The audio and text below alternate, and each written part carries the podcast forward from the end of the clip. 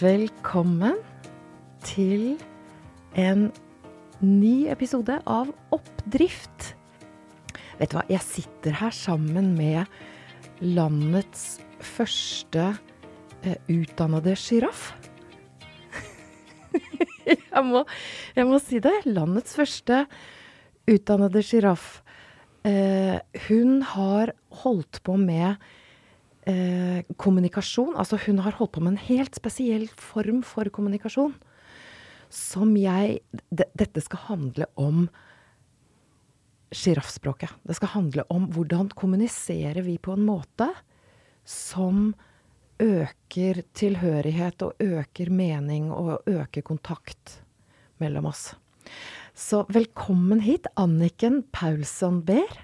Tusen takk. Uh, jeg, jeg, sitter og smiler mens jeg ser på deg tvers over bordet. Uh, fordi jeg har ikke sett deg siden jeg var på kurs hos deg. Jeg var på kurs hos deg uh, for, for, fire år siden i det som heter ikke-voldskommunikasjon. Og kan vi, kan vi, begynne allerede der? Hva, altså ikke-vold, kan kommunikasjon være voldelig? Hva er det? Ja, det er jo et eh, litt kraftig navn mm. på noe som egentlig er ment å bare skape kontakt. Men det har en vakker bakgrunn, da. Mm. Det er inspirert av Gandhis ikke-voldsfilosofi. Og så er det dessverre litt sånn lost in translation. Det er et sanskritord som heter ahimsa, som oversatt betyr fravær av krig, eller fravær av det onde i hjertet. Mm. Fravær av det onde i hjertet. Ja. Mm. Det er jo veldig nydelig. Ja. Og så reiste det ordet over til engelsk. Mm. Og så ble det til non-violence. Mm. Som var nok et ganske tilstedeværende begrep, tenker jeg, på 60-tallet. Mm. Den bevegelsen som skjedde da. Og ikke-voldsbevegelsen i Norge hadde et brukket gevær som symbol. Mm og oppsto på 30-tallet. Mm. Så det er jo historikk rundt det. Er historikk rundt det. Men begrepet ikke-vold er liksom blitt litt borte, på en måte. Og, og nå hører vi bare ikke og vold. Ja. Ikke og vold. For det, er litt sånn uh, Altså det, det, å bruke et aktivt språk, at vi snakker om det vi vil ha. Nemlig. Istedenfor det vi ikke vil ha, ikke sant. Så skal vi fra nå av uh, bruke det veldig enkle og, syns jeg, vakre begrepet sjiraffspråk. Vi kan gjerne bruke sjiraffspråk. Og, og, og, nå kjenner jeg at jeg blunker litt sånn med øynene og har hodet på skakke. ja. Fordi, og, og, jeg kjenner at det er egentlig litt godt også, fordi det er veldig lett å Altså min indre kritiker, da, kan begynne med en gang å si at det er barnslig og det er tullete og tøvete, men det har det har, en hel, det har ikke noe tullete og tøvete bakgrunn. Det er et eh, kan, kan du fortelle bakgrunnen for sjiraff? Uh, hvorfor det ble kalt for sjiraffspråk? Mm. Så Marshall Rosenberg, den amerikanske psykologen som utviklet dette her, um, han snakket først om han, Jeg tror han lette etter et, et, symbolnavn på det. For å kanskje gi det noe mer farge og noe levende. Og først så snakket han om duck language, altså andespråk. Mm. Det var litt spennende å høre, fordi han, han så på barna sine som matet endene, og han kunne ikke si hvem som var mest fornøyd. Endene eller barna.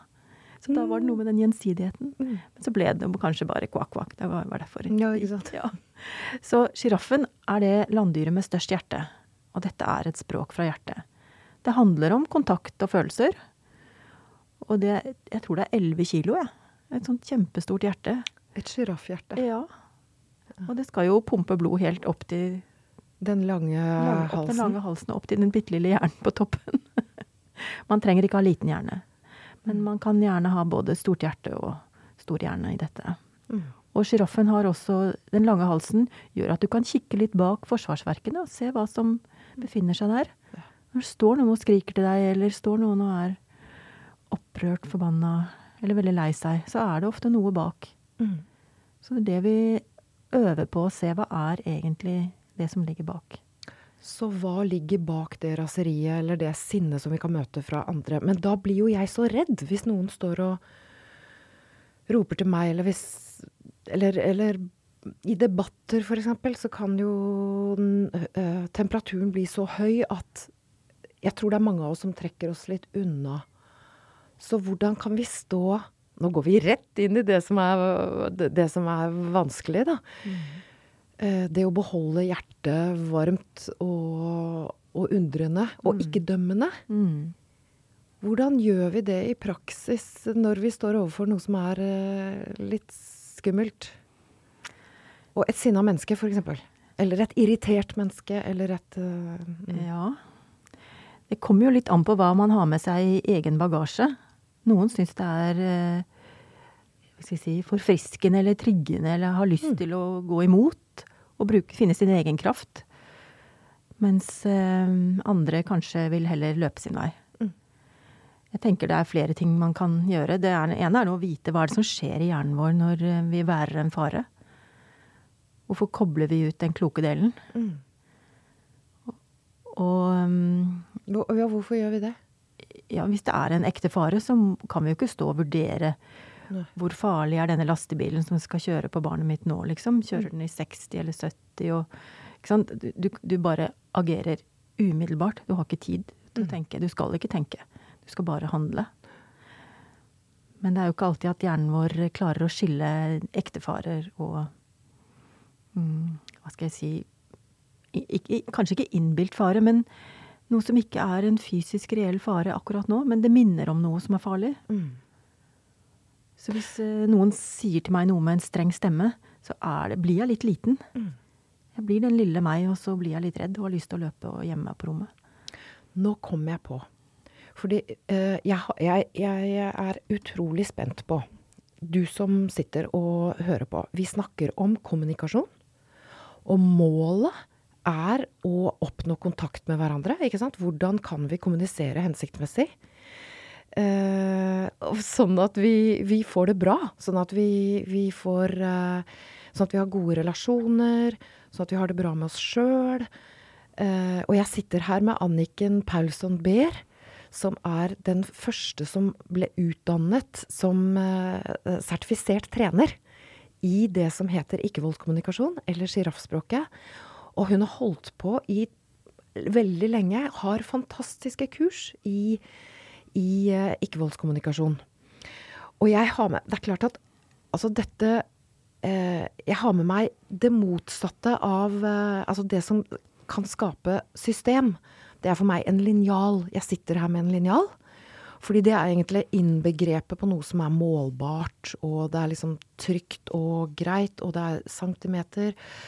Eh, og så er den utformet som en sjiraff, denne. Fordi det vi snakker om, er jo ikke så veldig lett å Det er ikke så håndgripelig. Og så leter jeg etter I øynene dine så leter jeg nå etter hva, altså, hva skjer med med deg, Anniken, når vi snakker om dette. Hva skjer med deg som hører på? Og i løpet av sendingen så vil du komme til å få de beste metodene for å kommunisere på en måte som eh, skaper oppdrift, skaper glede, skaper ro. Er det Det er liksom Det jeg lover jeg nå. Og så sitter Anniken og ler. ja, det er så herlig. Vi sier bare ja til det. Vi sier, vi sier ja til det. Ja. Og vi sitter her da med den som en som kan mye om å kommunisere godt. Hva er din historie, Anniken? Hva er din historie inn i, inn i denne måten å Altså, du, du, brenner jo for nå, jo, nå, snakker jeg jo for deg, men hva er din vei inn i sjiraffspråket? Uh, ja, den er egentlig ganske lang når jeg ser tilbake. Jeg tror at jeg egentlig siden jeg var liten, har lengtet etter at vi har ordentlige samtaler. At vi snakker om det som berører oss. Hvordan vi har det, og hvordan vi har det med hverandre. Og det var, jeg var ikke mer enn 13-14 år, så kjøpte jeg en bok til moren og faren min som het Bli bedre foreldre. ja, du ler. Det pleier folk å gjøre når jeg sier det. og det vet jeg ikke om det hjalp noe særlig. Fordi de gjorde jo det beste de kunne, mm. og med sin historie og sin bakgrunn. Og det er sånn som jeg kan se når jeg er godt voksen. Så kan jeg se hvordan det var. Men når jeg ser i mitt eget bakspeil, så tenker jeg at det var en sånn symbolsk handling. Dette vil jeg ha. Jeg vil at noen ser meg, jeg vil at noen hører meg. Jeg vil at det er trygt, at jeg kan uttrykke hvem jeg er, og at det blir tatt imot. Og at vi kan fundere sammen på hvordan har vi det egentlig. Mm. Og jeg søkte, søkte andre voksne kvinner som jeg kunne lene meg på. Jeg hadde noen tanter som var veldig fine, og jeg hadde en rådgiver på skolen som var en kjempegod støtte. Så, så det kan jeg liksom merke at det har vært en drivkraft og en lengsel så lenge nesten jeg kan huske. Og da jeg skulle velge yrke, så sto jeg mellom skal jeg velge noe som har med skaperkraft og drama, teater, musikk å gjøre, eller skal jeg velge psykologi, og som har med mennesker og relasjoner. Så valgte jeg barnehagelærer, som er en kombinasjon. Hvor du får være skapende og eh, jobbe med det som er mellommenneskelig. Mm. Så det var eh, kanskje på tidlig 90-tall hvor jeg ble introdusert til Jesper Juel, som var en dansk familieterapeut. Han døde for noen år siden. Men var en, eh, virkelig en markant skikkelse som snakket om dette her med ditt kompetente barn og sosial kompetanse generelt, og det med å lytte til barnet og um, Så han var en, min første, liksom, en av de store inspirasjonene der. Jeg husker jo at han var jo spaltist. Vi kjenner han Ja. jo godt i Norge. Han som spaltist i Aftenposten, blant annet. Ja. Mm. Mhm. Absolutt. Um, og jeg, ja, jeg leste Virginia Satir som mm. 16-17-åring. Hun skrev jo også om familieterapi. Så jeg ser, eh, jeg ser tilbake at jeg har vært så nysgjerrig på det relasjonelle. Ja. Eh, nesten alltid. Og da jeg var styrer i barnehage, så fikk jeg julegave av min sjef. Boka til Marshall Rosenberg som du eh, har med deg i dag. Sitter med den her.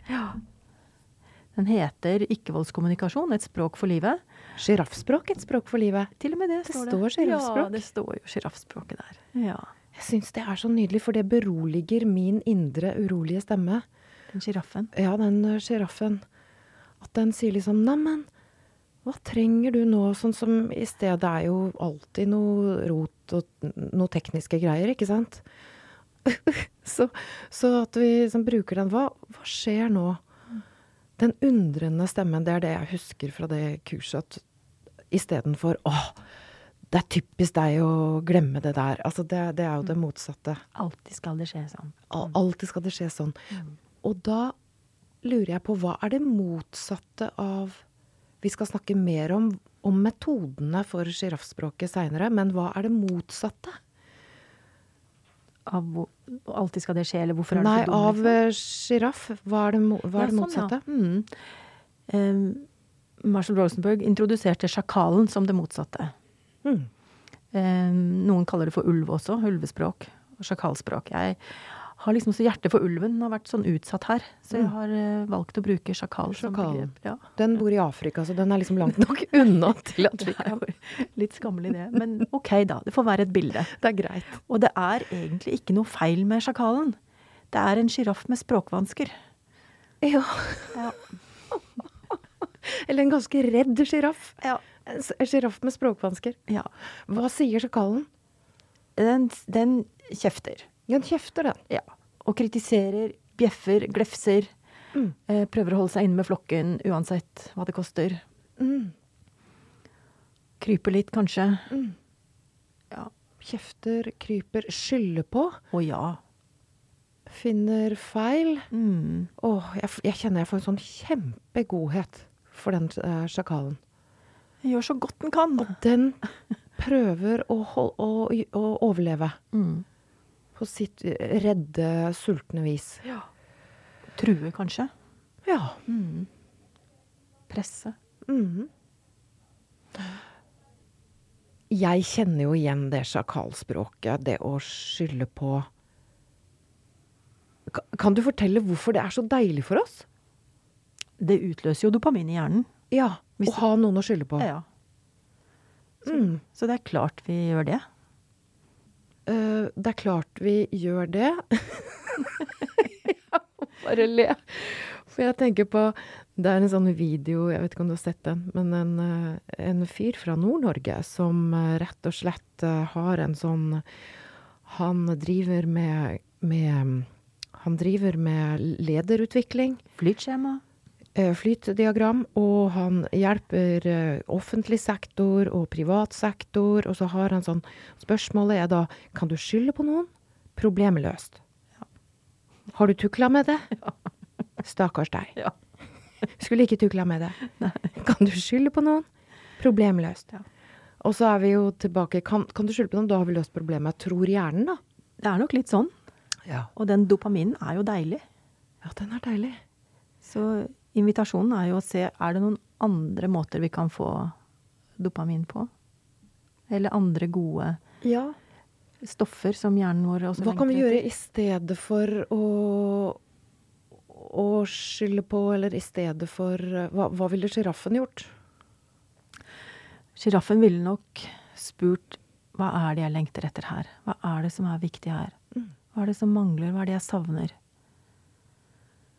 Og hvis man får tak i det behovet, og, og, og kanskje hvis det da ikke er dekket, eller er langt fra dekket, det behovet, så dukker det ofte opp eh, en tristhet. Mm. Så det å sørge over at behov ikke er dekket Så i en relasjon, for eksempel, da. mm. Så i nære relasjoner så kan du jo det, Altså det er lett å romantisere nære relasjoner, altså til søsken eller til foreldre eller til Men de er jo ofte et, et litt sånn minefelt av udekkede behov. Er det, kan jeg si Nå snakker jo jeg kjære mamma, kjære pappa, kjære Hanne, kjære alle mine Altså det er jo noe behov under der. Det er mine nære, da. Ja. Som, som jeg bruker forteller om. De bruker for alt hva de har vært. Og jeg, jeg skylder jo Kan jeg ikke skylde på, på Putin eller noen andre, så skylder jeg på mamma eller pappa eller Ja. Men hvordan kan vi nå fram til hverandre og, og våge å kjenne på de behovene som ikke er møtt? Mm. Ja, det er jo kanskje å invitere til en liten prat. Skal vi prøve nå om vi kan sette oss ned og snakke om hva det er som er viktig for oss i vår relasjon? Jeg kan, kan jeg bringe inn en liten reklame? Ja, absolutt. Her er det Da, da gjør vi en, En liten, liten sånn- jingle. En liten jingle. Ja, reklamen eh, Det er et kommunikasjonsverktøy som heter Skyldfri sone. Mm. som er rett og slett et hjelpemiddel til å sette ord på ting. Og det er kort med følelser og behov, så du slipper å lete inn i hodet på hva du egentlig føler, og hva du egentlig lengter etter. Mm. Eh, Det er et stalltips, altså. Et spill Et, ja, det et som spill. heter Skyldfri sone. Mm. Jeg kom over det da jeg var på et kurs i USA, for nå er det syv år siden snart. Um, og jeg møtte hun som hadde laget det, og jeg ble bare bergtatt. Jeg syns det var helt mirakuløst å se hvordan noe så enkelt som papp og papir med ord på Mm. kunne hjelpe så, på så dype plan. Har du, en, eh, har du en, en, et eksempel på hvor du har sittet og spilt det selv? Ja, jeg har det. Vil du høre? Ja, fortell. Jeg hadde et uh, lite selskap sammen med en kollega. Og vi holdt til uh, i Stavanger. Um, hovedkontoret var der. Jeg bodde ikke der, jeg bare reiste dit når vi hadde oppdrag. Mens han bodde der og var lokalt kjent, han kollegaen min da. Og så um, hadde vi av og til noen avtaler med noen uh, kunder vi skulle besøke. Og så skjedde det altså flere ganger på rad at vi kom kanskje 10-15 minutter etter den tiden vi skulle være der. Og jeg kjente at det var så ubehagelig. Jeg var uh, flau. For hva slags eh, inntrykk får de av oss, liksom? Mm. Jeg var irritert på han kollegaen min, for det er, det er ditt område. Det får jaggu du finne ut av, hvordan vi skal komme oss dit, og når vi må dra. og Mm. ha, Tidsoptimist, altså. Alltid skal han bare gjøre et eller annet. og så det var mye som eh, foregikk i meg. Og så satte vi oss ned, og så så vi på det mm, eh, Brukte vi det spillet på å se hva er det som er dine behov, og hva er det som er mine behov. Mm. Og, um, og han snakket om det der med at uh, han vil gjerne bruke tiden uh, så effektivt som mulig, og ikke ha ventetid. Mm. Og så er er det ikke alltid så lett å beregne. Så han innrømmet jo egentlig at han var litt optimist på de tingene, på det der med hvordan Mm. tid ting tar. Eh, og kanskje også litt sånn i tillit til at eh, det går bra. Mm. Vi, vi blir tatt imot. Mens Kanskje han har behov for litt fleksibilitet også? Ja, for eksempel det. Og Nå kjente jeg igjen det. ja, litt sånn eh, Det viktigste er møtet, liksom. Det, det er ikke så nøye med akkurat et klokkeslett, kanskje. Det er noen år siden, så jeg husker ikke nøyaktig hva han sa, men jeg husker liksom at det lettet så veldig. At vi, han fikk sagt sitt, og jeg fikk sagt mitt. Mm. Og så, når vi hadde hørt hverandre, og begynt liksom å kjenne på en litt sånn åpenhet inni Det er nemlig det, for jeg kjenner det nå i kroppen mens du forteller. Så kjenner jeg åh, tenk å komme i posisjon at det faktisk går an å pakke ut en sånn historie. Så mange steder hvor folk på jobben eller hjemme går og irriterer oss, eller på et eller annet som kanskje kan størkne i noe som blir enda større. Sånne bitte små ting som det der. Det blir sånn surdeig, vet Som, du. ja, sånn som eser og svelger. Men det å faktisk være modig nok, da. Til å sette deg ned og pakke det ut. Ja. Og få hjelp av det spillet. ja. Fordi at der finner du For, for det å ha språk for følelser, det er jo ikke noe mange av oss har lært Nei, på skolen. Nei, dessverre Så, har vi ikke lært så mye av det. så vi trenger det spillet da til å hjelpe. Jeg har Ja. spilt det sjøl, så jeg veit at det funker. Det kan være smertefullt. Ja. Fordi vi får jo høre Mm. Altså det å, å faktisk åpne opp hjertet og være undrende og nysgjerrig på hva den andre tenker og føler om, om det jeg Jeg spilte det med søstera mi en gang, for eksempel. Gjorde det? Mm. Ja. Nå må jeg trekke pusten, øh, fordi vi er forskjellige og har, veldig, og har forskjellige behov Mm. i vår øh, relasjon. Og da kom det fram ting som, som var viktig at det kom fram, sånn at det på sikt gjør jo relasjonen vår tryggere og bedre. Men det var skikkelig vondt å høre det der. ja.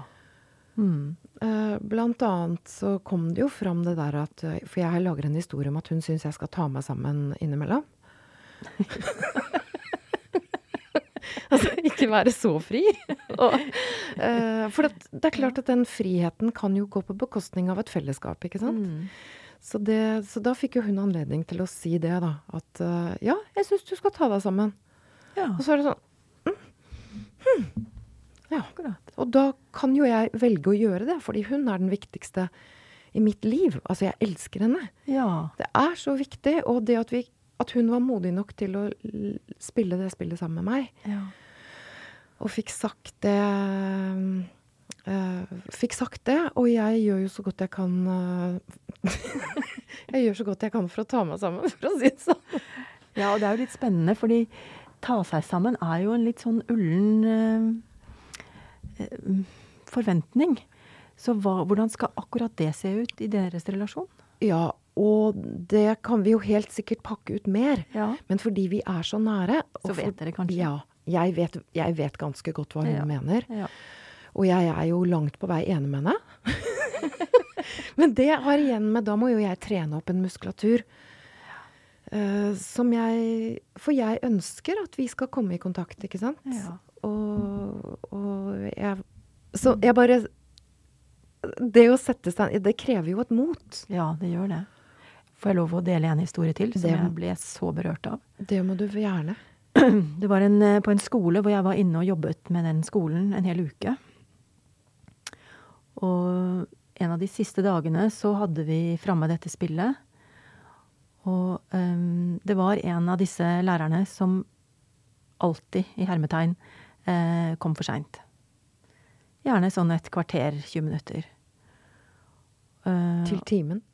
Ja, eller til felles Møter. plandager, alt mulig. Så jeg erfarte jo også det at han kom for sent til de, det programmet som jeg hadde med dem. Jeg kom etter, etter avtale, får vi si. Mm. Og så, um, så henvendte han seg til rektor, og så spurte han kan vi snakke om dette. Med det spillet, da. Og kan du være med, spurte han meg, og sitte sammen med oss. Og jeg kjenner jeg får gåsehud bare jeg begynner å snakke om det, for det ble veldig, veldig sterkt. Um, han sa noe om at han syns dette med tid er en vanskelig ting. Og det er akkurat som han zoomer litt ut.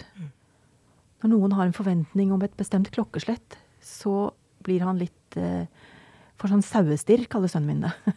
Sauestirr? ja, så det bare liksom koper litt. Og så, Litt sånn tomt i blikket? Ja. ja litt sånn. Runde, tomme øyne? Ja. og sauene er så fine. Ja. Ja. Og plutselig har tida bare gått. Mm. Um, og så refererte de til en, en dag hvor rektor hadde hatt noe på hjertet som hun så gjerne ville dele med kollegiet. Det var virkelig noe hun brant for, og som var liksom, tenkte er så viktig for, eh, for oss sammen at vi, dette lærer vi noe om. Og så kommer han et kvarter eller 20 minutter etter tiden, og hun tolket det som at eh, han bryr seg ikke. Og han sa at var, frihet var så viktig for han. Frihet til å komme når han trengte. Det er jo en verdi og et behov. Ja. Mm. Og hun hørte det som ja ja, ditt behov, men du driter i alle andres behov, liksom. Mm. Um, og så satt de med et spillet, da, og så adresserte de akkurat den situasjonen. Og så forklarte han den utfordringen han hadde med tid. Og bare noen dager før så hadde vi snakket om barn med utfordrende atferd, og at når barn oppfører seg dårlig, så er det ikke fordi de ikke vil, men fordi de ikke kan. Får det ikke til. De får det ikke til, og det er noe de mangler. Noen ferdigheter som ikke er der. Og jeg tenkte mm, der er det sikkert en ferdighet. Det der med å forholde seg til tid. I voksenverden, liksom den har ikke han helt på plass. Og så, så kom det frem etter hvert at han syntes at det var skummelt å skulle være der klokka ni. Og så blandet jeg meg litt inn i samtalen, og så spurte jeg spurte om jeg fikk lov til det. Hva er det som er skummelt med å komme til et bestemt klokkeslett? Eh, nei, jeg kan feile, sa han. Ok, og hva skjer da? Nei, det får konsekvenser. Ok. Så jeg bare lurer på om dette er noe du har hatt med deg fra veldig tidlig i livet.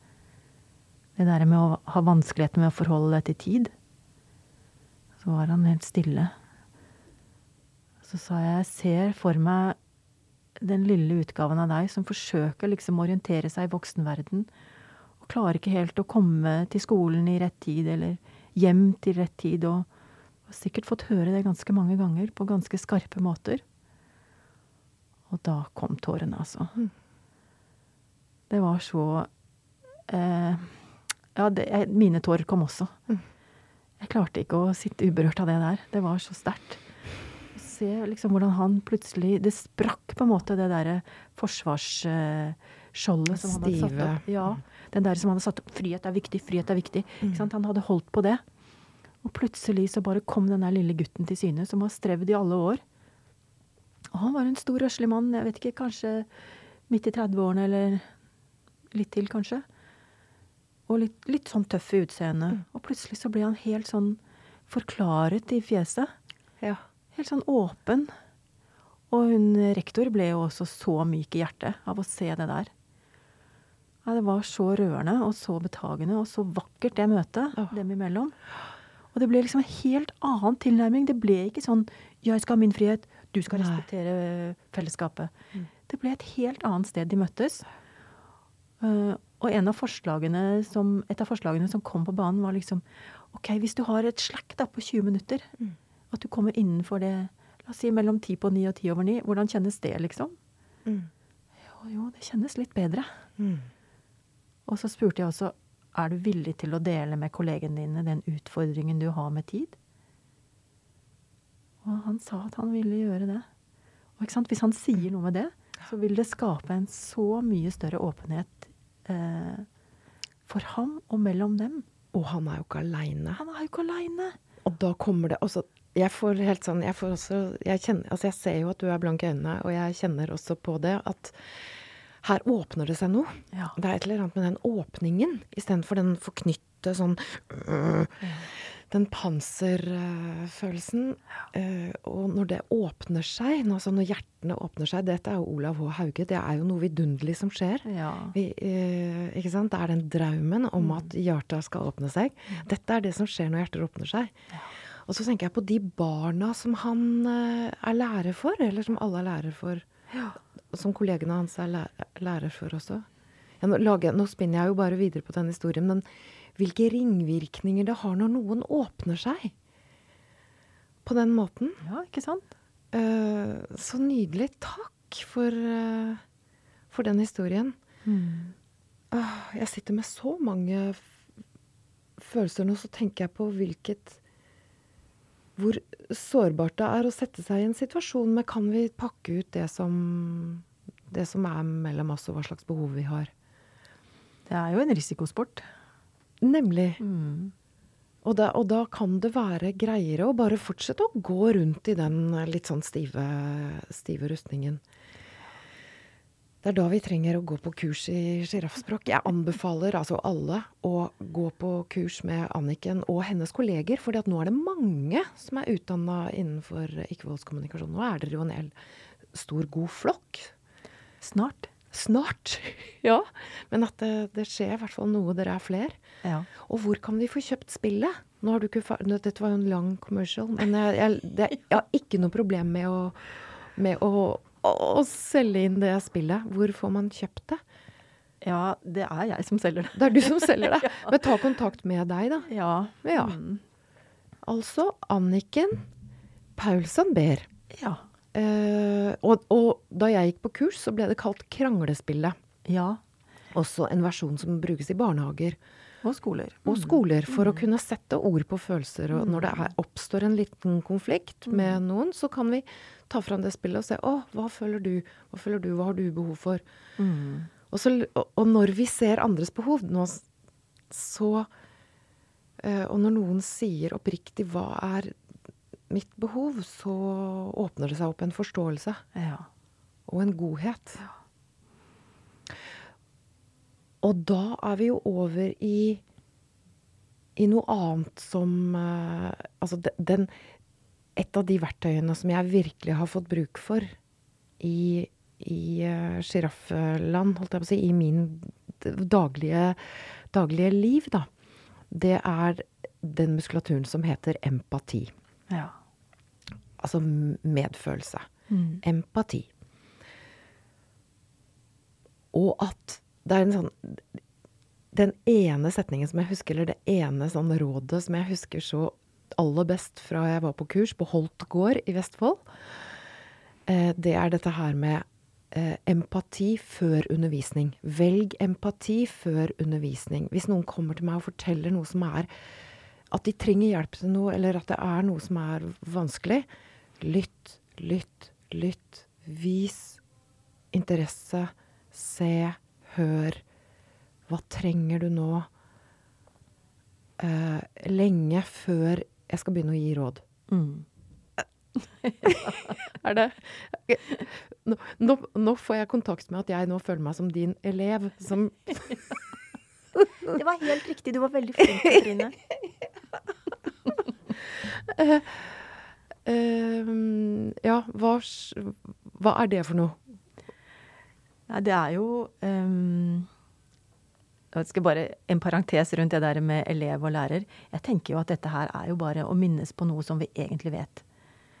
Og kanskje jeg har hatt flaks og uh, blitt minnet på det før noen andre, og så deler jeg det prøver liksom å tenke at jeg ikke lærer bort, men at jeg deler og peker på noe som du sitter kan, i oss. Du kan nekte så mye du vil. Du er min lærer.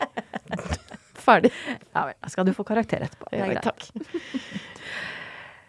men eh, hvis noen kommer til deg med en frustrasjon eller en tristhet, eller til og med en, en entusiastisk gladfølelse, så hvis du spanderer en eller to setninger på at du har forstått hva det går i, hva det mm. dreier seg om, mm. så skaper du en kontakt. For med en gang du begynner å eh, gi et råd eller eh, komme med en liten forelesning, så er du bare inni ditt eget hode, og kontakten brytes. Vi har av og til noen sånne øvelser som, hvor vi trener på Eller vi trener ikke, vi bare viser fram alle disse måtene å svare på som ikke er empati. Fortell. Ja, for eksempel eh, å ha en bedre historie på lager. Åh, jeg har så vondt i magen. Jeg har utlagt tarm. Ikke sant? Svigermora mi, Hu! ikke sant? At vi liksom alltid har Bedre historie på lager. én opp. Ikke sant? Vi går alltid én opp. Bare en bedre historie. ja. Eller Ja. Men hva kan du lære av dette her, da? Og det er neste Mm, den er en annen variant. Hva kan du lære av denne her, da? Ja. Eller legge litt skyld. Ja, men hadde ikke du kledd deg så ut for den, du, så hadde ikke du blitt antastet der ute på gata. ja. Eller det bor vel en rådgiver og en bedreviter inni de fleste av oss. En smurf. Det fins en smurf i oss alle. Og det fins en gnom. Og det gnom. Og det fins var minst en gnom. Ja. Hos meg i hvert fall. Og det fins da en rådgiver, ja. En Ja. Rådgivende virksomhet. ja. Det er en ganske stor avdeling eh, for Mm. mange av oss. Avdeling for bedre vitenskap. Ja. Ta en master i bedrevitenskap, faktisk. Mm.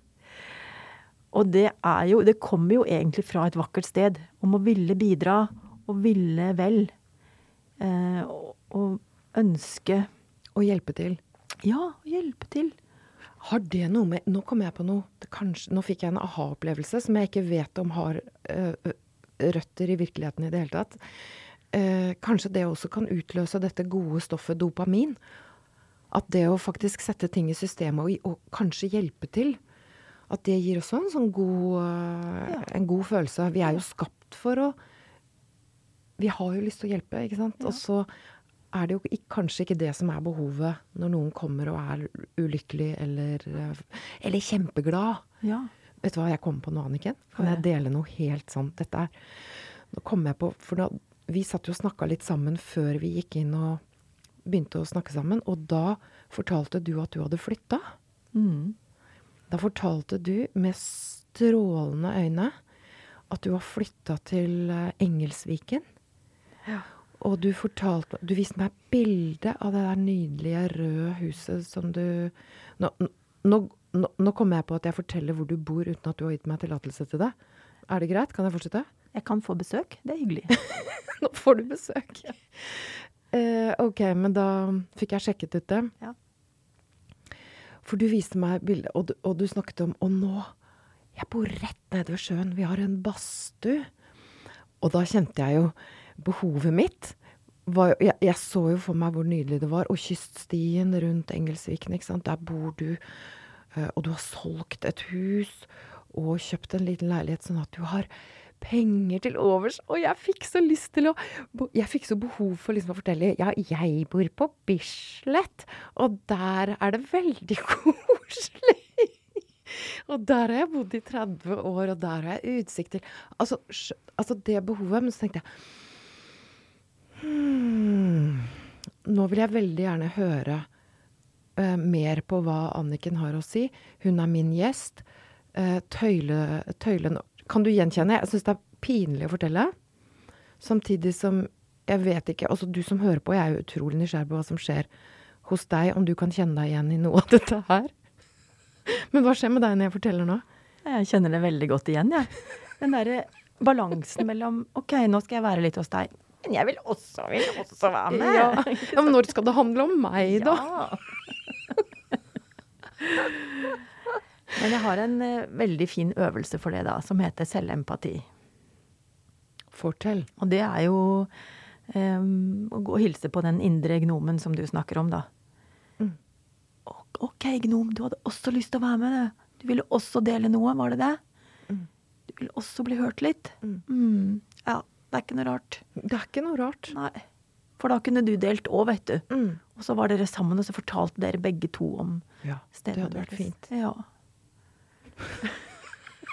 Det er selvempati. Altså å møte En den. variant av det, da. Det er en Ja. variant ja. av det. Mm. Jeg bruker jo det skyldfri sone-spillet til selvempati òg, jeg, altså. Når jeg er fortvilet eller har krangla med noen av mine kjære og lurer på hvorfor ble jeg så hissig nå. Prøve å få tak i hva er det jeg egentlig lengter etter. Mm. Og ofte er det jo forståelse og Så du bruker det uten å spille med noen andre? Ja, ja, Ja. Så det kan brukes til det også? kan det. Ja. Mm. Det skal jeg hjem og gjøre. Ja. Nå skal jeg velge en eller annen av de mange pinlige situasjonene som jeg Jeg kan bruke det på den der. Som jeg er oppi, og så kan jeg mm, utvikle selvempati. ja. Og det som er så fint med det spillet, da, det er jo at du Der er det en stor bunke med kort Mm. med følelser. Så følelser som jeg ikke har tenkt på at jeg hadde engang. Men jeg kan se på de følelsene og plukke ut at det, sånn var det jo faktisk. Det jeg kjente der ute, var jo litt sånn iver, og det var skamfølelse over i det hele tatt du har lyst til å avbryte deg med hvor fint jeg har det, ikke sant? Bare det behovet er jo helt Veldig. Det er jo ikke noe rart. Men egentlig er det jo veldig hyggelig òg. Tenk, hun vil også fortelle meg om sitt. Så fint. Det er jo et vakkert behov. Ja. Og kan du fortelle litt om det? Om dette med behov? For det, det er jo veldig sentralt i, i denne formen for kommunikasjon. Ja, det er liksom hele kjernen, det. Ja, fortell litt om det.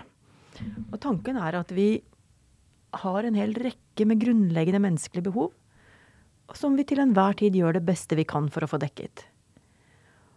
Og noen ganger så mm, kan vi bli liksom flaue eller irritert på oss sjøl for at vi prøver å få dekket et behov på en måte som kanskje går utover noen andre, eller er utafor det som er vanlig kutyme, eller sånn. Men det er uansett et behov vi prøver å dekke. Kanskje for deg da i stad. Det med å dele, det med å oppleve en sånn gjensidighet, likeverdighet i relasjonen. Mm. Få lov å bidra til fellesskapet med fine historier. Det er jo um, Det er alltid et behov bak. Noen ganger så forteller jeg om Anders Behring Breivik, som er liksom en av våre liksom felles fiendebilder, da. Mm. At det var nok noen behov bak der også. Behov for tilhørighet, Ja. fellesskap. Han så liksom for seg et samfunn som han kjente seg trygg i, hvor det var felles verdier, hvor han visste liksom hva er det vi mm, setter høyt her, hva er det vi verdsetter som viktig.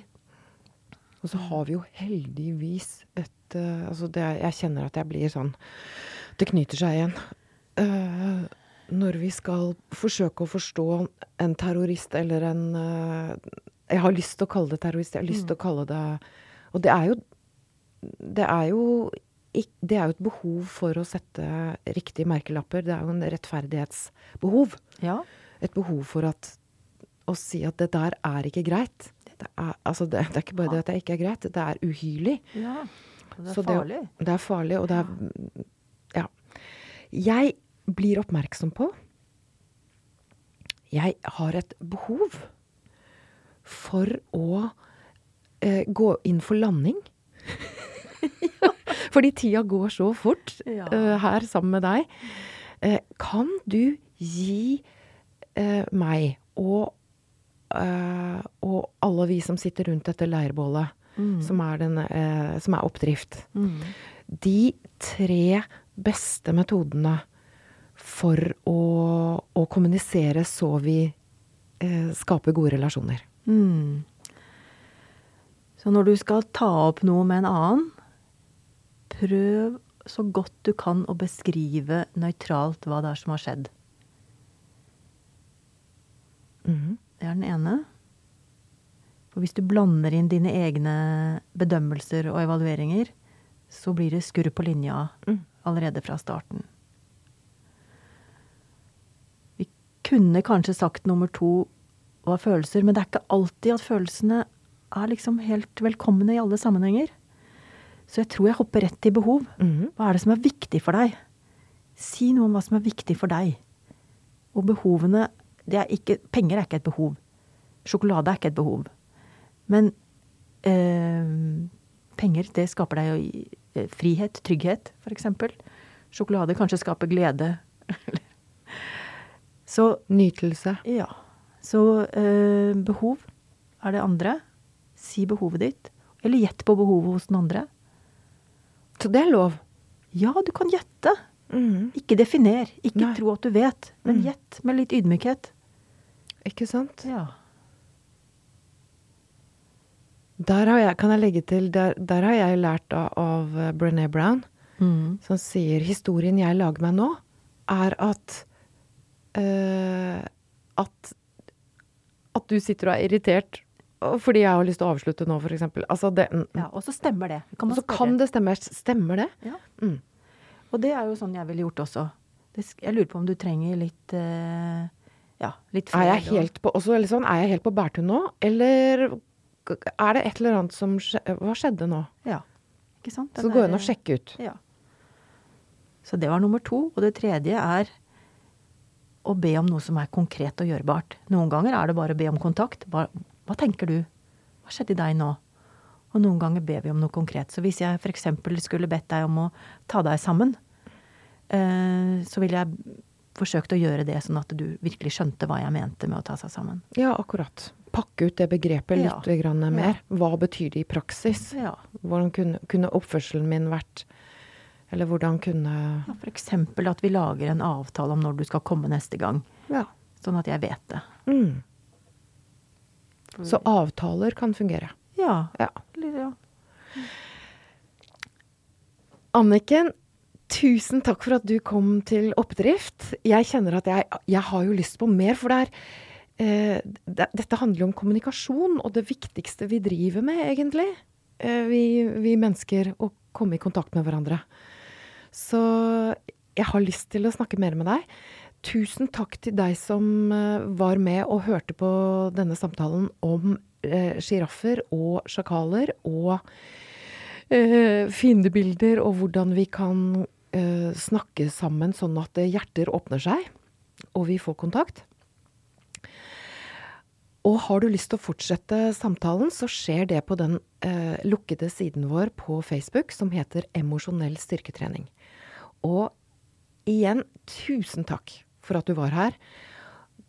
Jeg ønsker at du er god og tålmodig med deg sjøl når du er der ute og snubler rundt i, i, og, og, i dette vidunderlige og litt sånn strevsomme livet vårt. Og så ses vi og snakkes vi.